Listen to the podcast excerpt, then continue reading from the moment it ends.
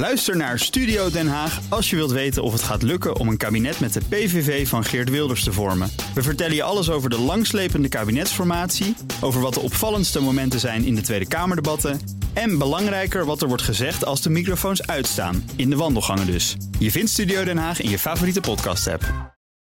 Mobility Update. En daartoe zit in de studio Meijnerd Schut van BNR's Mobility. Goedemorgen, Meijnerd, Bas. goedemorgen. Ivan.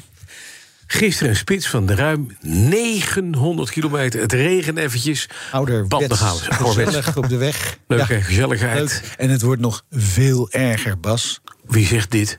De ANWB, eh, het is nu al hartstikke druk op de weg... in vergelijking met recordjaar 2019 nemen de opstoppingen nu al toe. Hè. 2019 is pre-corona. En dan moet de herfst nog beginnen, zegt de ANWB. Dat zeggen ze op basis van de huidige filecijfers. Gisteren hadden we natuurlijk dat record te pakken hè, voor dit jaar. Ja, het thuiswerken lijkt weer helemaal weg. Mensen zitten, denk ik, gewoon lekker graag warm op kantoor. Kan thuis de thermostaat wat lager. en volgens Arne Broekhuis van de ANWB is het weer als vanouds druk op de wegen. Zien eh, ze de hinder overal toenemen. In vergelijking met 2019, dus voor corona, zien ze zowel in de ochtendspits als de avondspits het een eh, paar procent drukker worden. Overdag is zelfs een stijging van de files, aantal files met 17% uh, te merken. Uh, er zijn in, sinds 2019 ook wel wat meer auto's op de weg. hè. 390.000 auto's zijn erbij gekomen. Omdat gewoon heel veel werknemers niet meer met het OV gingen tijdens de pandemie. Dus uh, dat ja, komt er allemaal bij. Want ze gaan nu ook nog minder met het OV. Ja. Drukste provincie, nog altijd Zuid-Holland.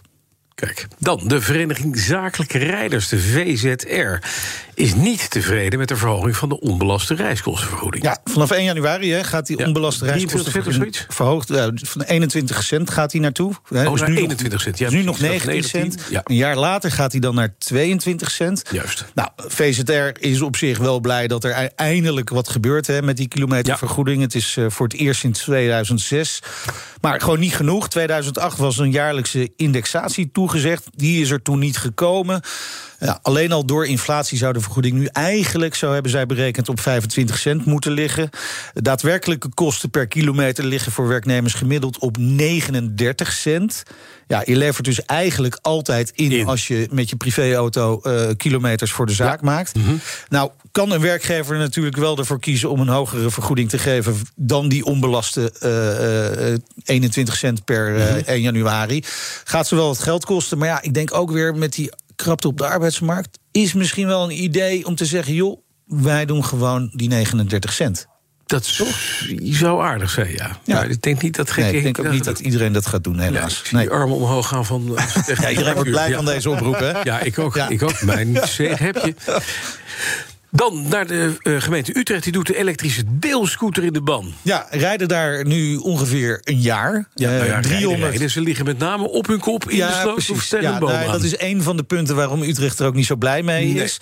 Eh, ze hebben 300 elektrische deelscooters. Die werden afgelopen jaar nog in de binnenstad gebruikt. Maar ja, het contract met eh, Tier Mobility wordt niet verlengd. En, en na een jaar neemt Utrecht dus weer afscheid van die scooter. Ruilt ze wel in voor 500 elektrische fietsen. Hm. Blijkt van die scooters die worden gebruikt voor afstanden van eh, gemiddeld 3,5 kilometer. Ja, dat zijn eigenlijk afstanden die normaal gesproken gefietst Ja, worden. die doe je fiets. Ja. Dus ze Ja, ja. vervangen geen autoritjes, eh, waardoor eh, de gemeente denkt van ja, eh, waarom zouden we dan fietsen, scooters... je gaat fietsen vervangen eigenlijk. Hè? Ja, Dat precies, dat Ja. is het verhaal. En dus daar hebben. willen ze mee stoppen. En ze zeggen ook, fietsen is gezonder.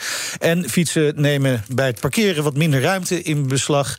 Nou, alleen hopen dat mensen zich een beetje netjes neerzetten. Ja. En die kan je ook op zijn kop zetten of in het water gooien. Zeker. Ja, Wat een goede idee allemaal, Ivan. Ja. Die zat er lekker positief in, Ivan. Hè, vandaag. Het zijn trouwens fantastische dingen. Want je, je, gaat- je Gaat gaat die scooters of die fietsen? Nee, die fietsen. Je gaat lekker met de trein naar Centraal... en dan je laatste ritje Ja. doe je eh, een, ja, een paar kilometer nog met zo'n fiets. Ja. Echt heel fijn. Helemaal goed. Kan ook een taxi nemen, maar oké. Ja, dat kan ook, ja. Zeker, Biobrand. met dit weer is dat wel lekker Of de bus. natuurlijk. Hè? Ja. Maar als die er niet komt, moet je taxi. Dan moet je. Biobrandstof is in trek bij steeds meer lease-rijders. Ja, het aantal Die gaan echt voor de bio. Da- daar lijkt het wel op. eh, tenminste, in ieder geval in plaats van diesel. Het aantal getankte liters hydro-treated vegetable oil, oftewel biobrandstof, is ten opzichte van vorig jaar in elk geval fors toegenomen. Ja, als je van nergens komt, dan is dat natuurlijk vaak al eh, snel een groot Ja, percentage. Maar goed, blijkt allemaal uit cijfers van Multitankcard, die door eh, veel leaserijders gebruikt wordt om eh, te betalen hè, bij de tank.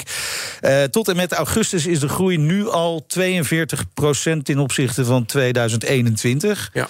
Eh, als die- 42 mensen die rijden biobrandstof tegen één vorig jaar. Ja, dat is een beetje verhaal. Eh, Zoiets ongeveer. Als die trend zich doorzet, dan komt de groei rond de 112% thuis. Dus heb je 112 mensen die biobrandstof tanken. Het is opvallend omdat er nog steeds een uh, fors prijsverschil is uh, met uh, fossiele diesel. Hè. Dat, dat is ongeveer 20 tot 30 cent per liter duurder duur, gewoon. ja. Het is hartstikke duur. Ja. Nou, volgens Multitankcard kiest gewoon een aantal bedrijven heel duidelijk voor biodiesel in plaats van fossiele diesel. Want dat wordt echt wel duidelijk minder getankt worden ook minder diesels verkocht natuurlijk. Minder diesels in de lease. Uh, Multitankcard ziet tot en met augustus een daling van het aantal verkochte liters uh, uh, fossiele diesel met 8% Ja. Toch, Ja. als je nou echt wat wil, moet je toch dit stimuleren, biobrandstof. Ja, maar je moet er ook genoeg van hebben volgens mij. Dat, Dat is, dan nog wel een issue. Hè. Je kunt niet al die mensen die nu nog op diesel rijden... volgens mij heel snel makkelijk vervangen Overschakelen op bio. op bio. Oké. Zoveel frituurvet hebben we volgens mij gewoon niet. Nog steeds niet. Nee. Wat ook zonde is natuurlijk. Wat wel jammer is, ja. Dat zou gestimuleerd moeten worden. Precies. Bitterballen, frikadellen. Grootste elektrische passagiersvliegtuig ooit maakte zijn eerste en denk ik ook zijn laatste vlucht. nou, dat, dat denk ik dan Dat weer niet. niet. Nee, maar het, is toch, het gaat nergens over. Vertel. Ja, nou, het, is, het, het vliegtuig heet Alice. Mhm. Wonderland denk ik er dan gelijk bij. Eh, wordt gemaakt door de Amerikaans-Israëlische start-up Eviation. Wat een naam, hè? Hè? Ja, Knap, heel knap. Daar hebben ze urenlang over nagedacht. Eh, heeft deze week wel echt een succesvolle testvlucht gemaakt. De Alice is eh, 17 meter lang. Heeft plaats voor maximaal 9 passagiers. Eh, is de bedoeling dat het toestel een kruissnelheid van ruim 400 km per uur haalt... en een vliegbereik krijgt van 800 kilometer. Ja, eh, vind ik niet zo heel veel voor een vliegtuig. Hoeveel, hoeveel batterijen moeten ze meenemen? Het is een batterij. Ja, het is een elektrisch eh, toestel. Hij neemt 4000 kilo aan accu's mee dus- de lucht in. Er mogen negen passagiers die Ja, eh, tel dat twee even jaar op. niet Laten gegeten hebben zonder bagage mee. Ja, ja ik, heb, ik heb ook eh, elektrisch gevlogen een nou. tijdje geleden. Dat was een, een tweezittertje.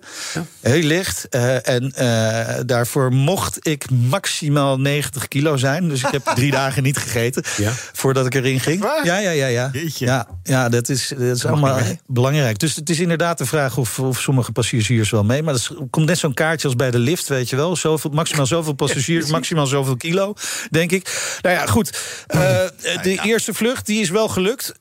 Duurde negen minuten. Ja. Eh, bleef bij rondjes boven de luchthaven. Tot nu toe eh, was een omgebouwde Cessna het grootste elektrische passagiersvliegtuig. Aviation hoopt binnen drie tot vijf, Aviation moet ik zeggen, Ja. binnen drie tot vijf jaar de eerste toestellen te kunnen leveren. Hebben al wel klanten, DHL Express bijvoorbeeld, die wilden pakketjes mee rondvliegen. Die hebben al 4000 pak- eh, pakketjes die ze rondvliegen, namelijk accupakketjes. Ja. Al- dat is voor niks. Al Precies. Dankjewel. BNR. BNR Mobility Update wordt mede mogelijk gemaakt door BP Fleet Solutions en ALD Automotive. ALD Automotive. Ready to move.